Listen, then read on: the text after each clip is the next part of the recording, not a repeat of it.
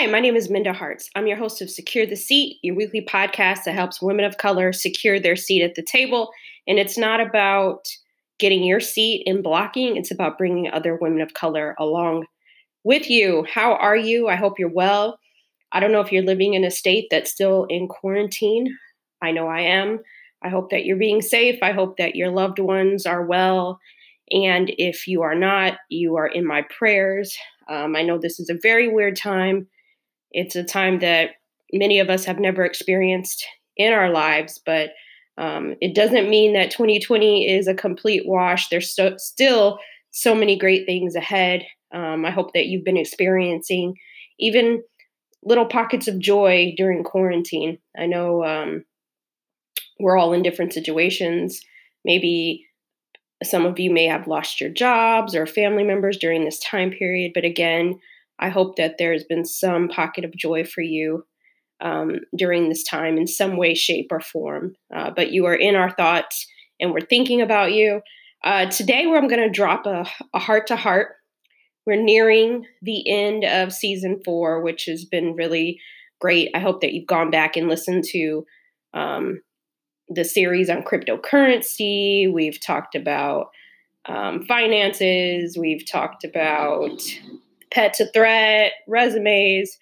There's been so many great gems dropped through this season, and we have uh, still a few more left for you. So make sure that you catch up on all of the great stuff here because, you know, this is part of your cheering squad. This Secure the Seat is meant for you to um, listen and absorb and know that you are not alone because I know that even in virtual environments, things can be tough for women of color and Black women. Uh, they weren't the best six, seven weeks ago. So, you know, we gotta we gotta keep our foot on their necks. We we can't shrink in these COVID environments um, behind these Zoom screens. It's we still have to put the foot on the gas for self advocacy. So I don't want you to stop that. It just may look a little bit differently. We still need to build our squad. So ask for those virtual coffees, ask for those virtual opportunities. You know, your whole leadership team is home now, right? You know, so this is the time to get in where you fit in. So if you want to have those conversations, bet on yourself, always bet on yourself. Um, that has been something that even in my most highest levels of what some may call imposter syndrome, um, I've always bet on me. Um, can't count on anybody else to do it if you don't do it. So, uh, and when you bet on you, the right people will form around you, and that's where your squad comes in. But today, I actually want to share a couple things with you. If you're listening to this on Wednesday, whew, today is a really special day. I'm actually doing a conversation with the CEO of Lean In, um, Rachel Thomas, who co founded Lean In with Sheryl Sandberg. And so we're doing a conversation, y'all. If you've read the memo, what women of color need to know to secure a seat at the table, if you've listened to anything that I've said over the past couple years, then you know this this is the moment. This is a moment that means more to me than well, you know, if you you know me, um, if you've been rocking with me, then you know how how honored I am to be in this situation, to be seen in this way, but not just me, us us being seen and heard. Um, and I'm really excited about this conversation. So, listen, if you Google Minda Harts Lean In Eventbrite, it's there. Uh, you can also, if you're not signed up for my virtual book club at mindaharts.com, uh, it's in the email, it's in the link there. So it's a free event tonight, Wednesday at 6:15 Eastern time. So I hope you'll be there. Come support, come represent, come show up. This is our opportunity. You know, sometimes we talk about, you know, what wasn't there for us, but we got to show up for each other. So I'm asking you if you're available and you're listening to this today to, to come through, pull up. I would love to have that positive energy vibes from you all. Um, so thank you again. Thank you for all your support. Uh, today, we're talking about friends. And in this heart to heart, you're probably wondering why friends? And I've been watching uh, some of the episodes of Insecure this season and um, watching, I guess, the dynamics between Issa and Molly, who, if you've never seen Insecure, it's okay. And I'm not giving any real spoiler alert, so you still you're good. Stay stay tuned. Um, but you're watching the dynamics of their friendship, and a little bit of it is starting to deteriorate. And I think that it really prompted me to talk about friendship because oftentimes, as Black women in particular, we talk about, oh, that's my sister. Hey, sis, sister circle. We we get all in it with the friendships, but it made me think about what does friendship really mean? And and oftentimes, um, for some of us, we may not even know how to be a good friend, right? So I'm watching the season of Insecure, and at first I'm like, hmm, maybe Molly's not the good friend. But as I watched more episodes, I'm like, no, equally, Issa and Molly are both like tripping because the lines of communication have broke down. And and when you're friends, you should be able to have some of those hard conversations. Um, obviously you have to tread lightly in, in some cases. I know that um, I had this really great friend of mine. I would have considered her a best friend at this period of time in my life. We were friends in high school, we went to college together. And when we got to college, our relationship started to shift. And I'm, I, I don't talk publicly about this story, but I, I feel like it's very apropos about about this. And and I'm still at times it's been so long since I've talked to her, but uh, or seen her, but I still feel that loss. Um, sometimes a friendship loss can be as painful as a a romantic relationship. And so anyway, uh, you know, we grew up together, went to high school together, went to college together, and um, the second year of college, we started to find different friend groups, right? Which is fine. Um, but she ended up um, dating this one guy, and I could tell that he was not. At the time, I, I don't know if I was mature enough to understand this, but looking back on it now, he there was a something off that I didn't like about him with her, and she had had boyfriends. Um, I mean, some cool guys that I had even could, you know, connected her with. Um, but there was something about him, and he did not like our friendship. And so anytime we were going to go out or have friend time, he would come. He would even if she'd come to my dorm room, he would come. It's like he he didn't even want her to be alone, to hang out, to talk. He was fearful um, that maybe she might find somebody else going out, hanging out with me, or so. I don't know really what it was, but all this is going to make sense in a second.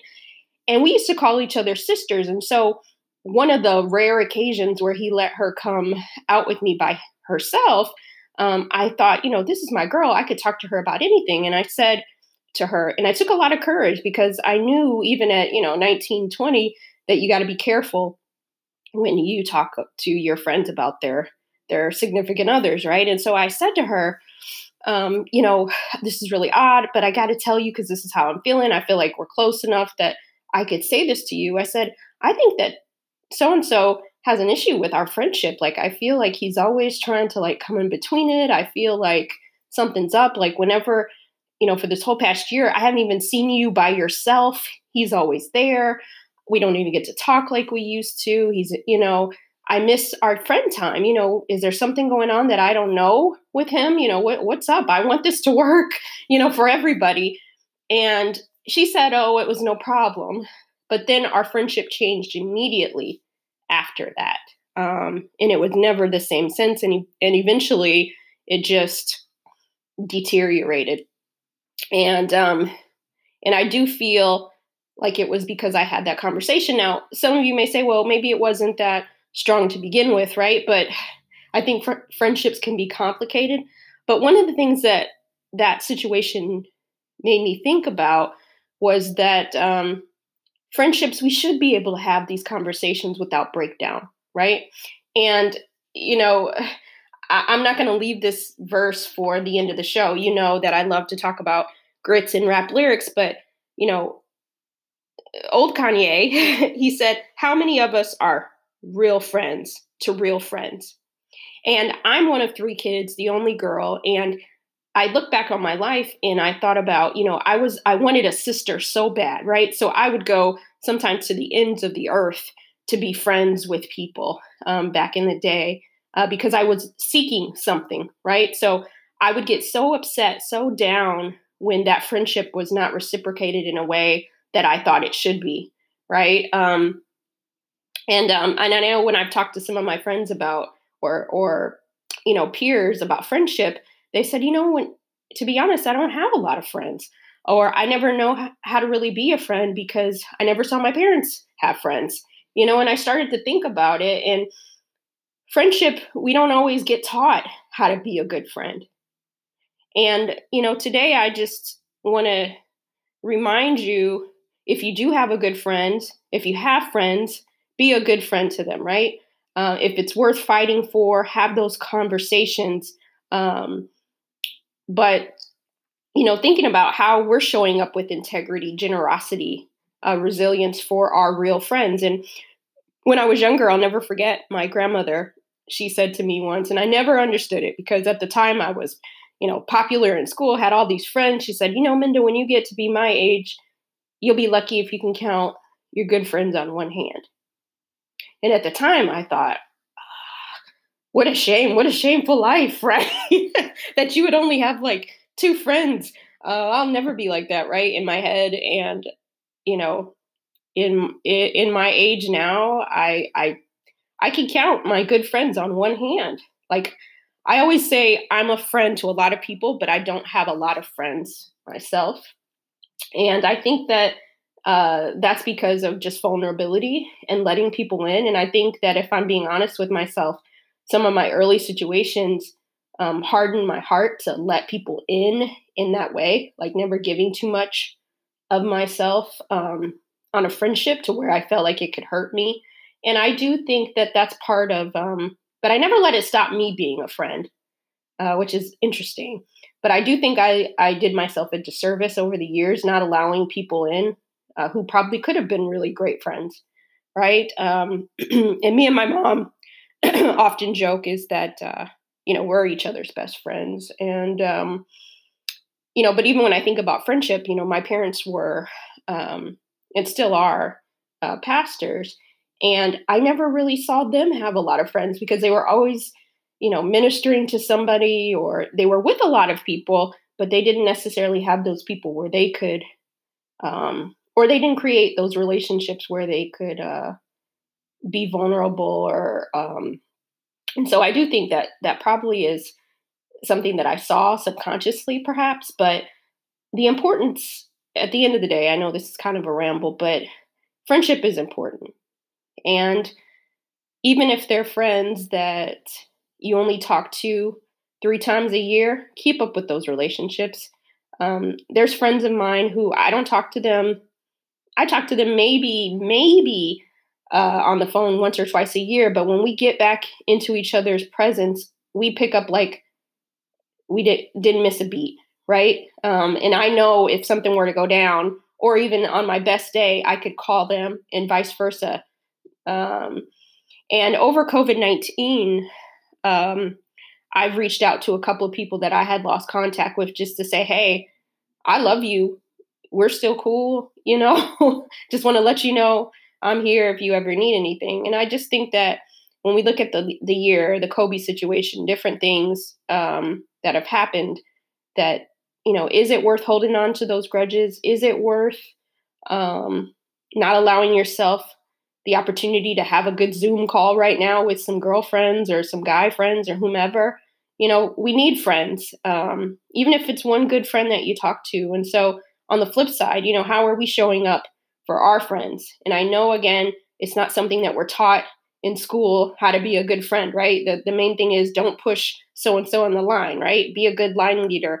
But let's take it a step further. And I think that when we look at it, bringing it back to a career context, is um, if we learn how to be better friends, I think we can be better colleagues, better coworkers. But we're not learning some of those fundamental um, skills to humanize the workplace early on in our formative years, which shows up in the workplace. So, you know, if you have kids, nieces, nephews, you know, adopted family, um, things of the sort, you know, let's teach our our young folks, let's teach ourselves how to be good friends because I do think that a lot of those characteristics, um, t- being a teammate, those sorts of things, really do lend well to who we are in the workplace and what type of environments we create. I totally believe that. And so, um, like I said earlier, the, the rap lyric that I, I shared earlier was from Kanye um, from his Pablo album. And he said, How many of us are real friends to real friends? So this week, listen, think about your friend circle. Think about how you have to be a better friend. Or maybe you might say, Hey, I'm the best friend there ever is. Great. Um, send somebody that you consider a friend a text today, a voice message, a call. Let them know you're thinking about them. Um, because when it's all said and done, even even some of those relationships that have fallen to the to the wayside, maybe today is the day you pick it back up if it's worth it, right? Um, but I think that friendship um, is important. We all need them. We all need a squad, and so um, you know the last thing I'll say too is I used to meet a lot of women who would tell me, "Oh, I'm not good at being friends with other women." I don't trust them, things of that sort. And and that's another mindset that I hope that we will leave behind because we should figure out how we have better relationships with each other. How do we create those sister circles? Is we have good relationships that we build the trust, right? But it comes back to friendship. Something along the lines happened where you felt like you couldn't trust other women. And that's a place where we got to heal. Because I'll tell you, if I would have stopped having friends because of some hurt I've dealt with from other girlfriends, I would be, if I'm being honest with myself, I'd miss out on so many great opportunities of getting to know other great women that I've met along the way. And so um, we need people on our team. We need people we can confide in. And um, there's another saying that says people are in our lives for a season, a reason, and a lifetime. And also understanding that that plays into friendships as well right? But but we need people around us. God didn't create us to to to run this game alone, to to walk this race alone. As I often say, success is not a solo sport. That is also not just in the workplace, but in our profession, our personal lives as well. And so, um, just leave you with that. Uh, what does secure the seat mean to me? It's bringing others with us. It's being, you know, um, generous. It's being empathetic, it's being curious, and I hope that you'll think about the type of friend that you're being in COVID 19 and also beyond, uh, because I friendships are really rich when you find the right people. And um, I just felt like it was important to kind of talk about that because I don't feel like we really talk about friendships, and maybe this will spur something to have a conversation in your your friend circle. But I don't think we learn how to how to be good friends. Oftentimes, some of us do it really well. Some of us have not done it so well, but today's the day we can be a better friend um, and open ourselves up to the right people and use discernment along the way of of who you can let in and who you can't. Um, and some of those friendships we got to leave where they are, right? They're in the rearview mirror for for a reason, but it doesn't mean that we still can't be good good people. And so again, I hope you're doing well. The last thing that I'll say to you is don't forget that the Secure the Seat Writers Retreat is happening May 15th and 16th. The lineup is bananas. If you Google Secure the Seat Writers Retreat 2020, it will pop up, but you can also uh, go to mindaharts.com, sign up for the virtual book club. All the information is in the email that you get once you sign up. And you there's a special discount code for $100 off.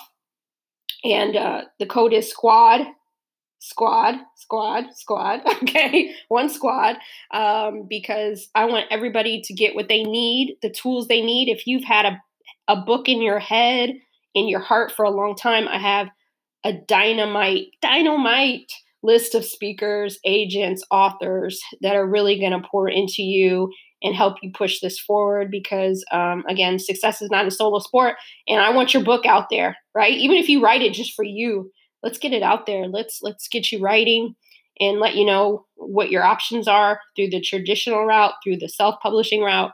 Uh, I wish that I would have known everything that was all the options available to me at the time, but I want to share that with you. So again, the Secure the Seat Writers Retreat.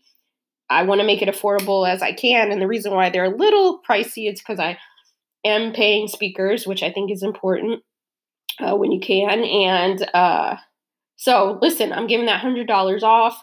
If there's some reason that you really want to attend, and but right now is a really difficult time for you, hit me up, um, and I'll see if I can get the discount down a little bit more so that you could be there. It's not, um, it's really about you getting the tools that you need. So holler at your girl, have a great week, and keep securing your seat.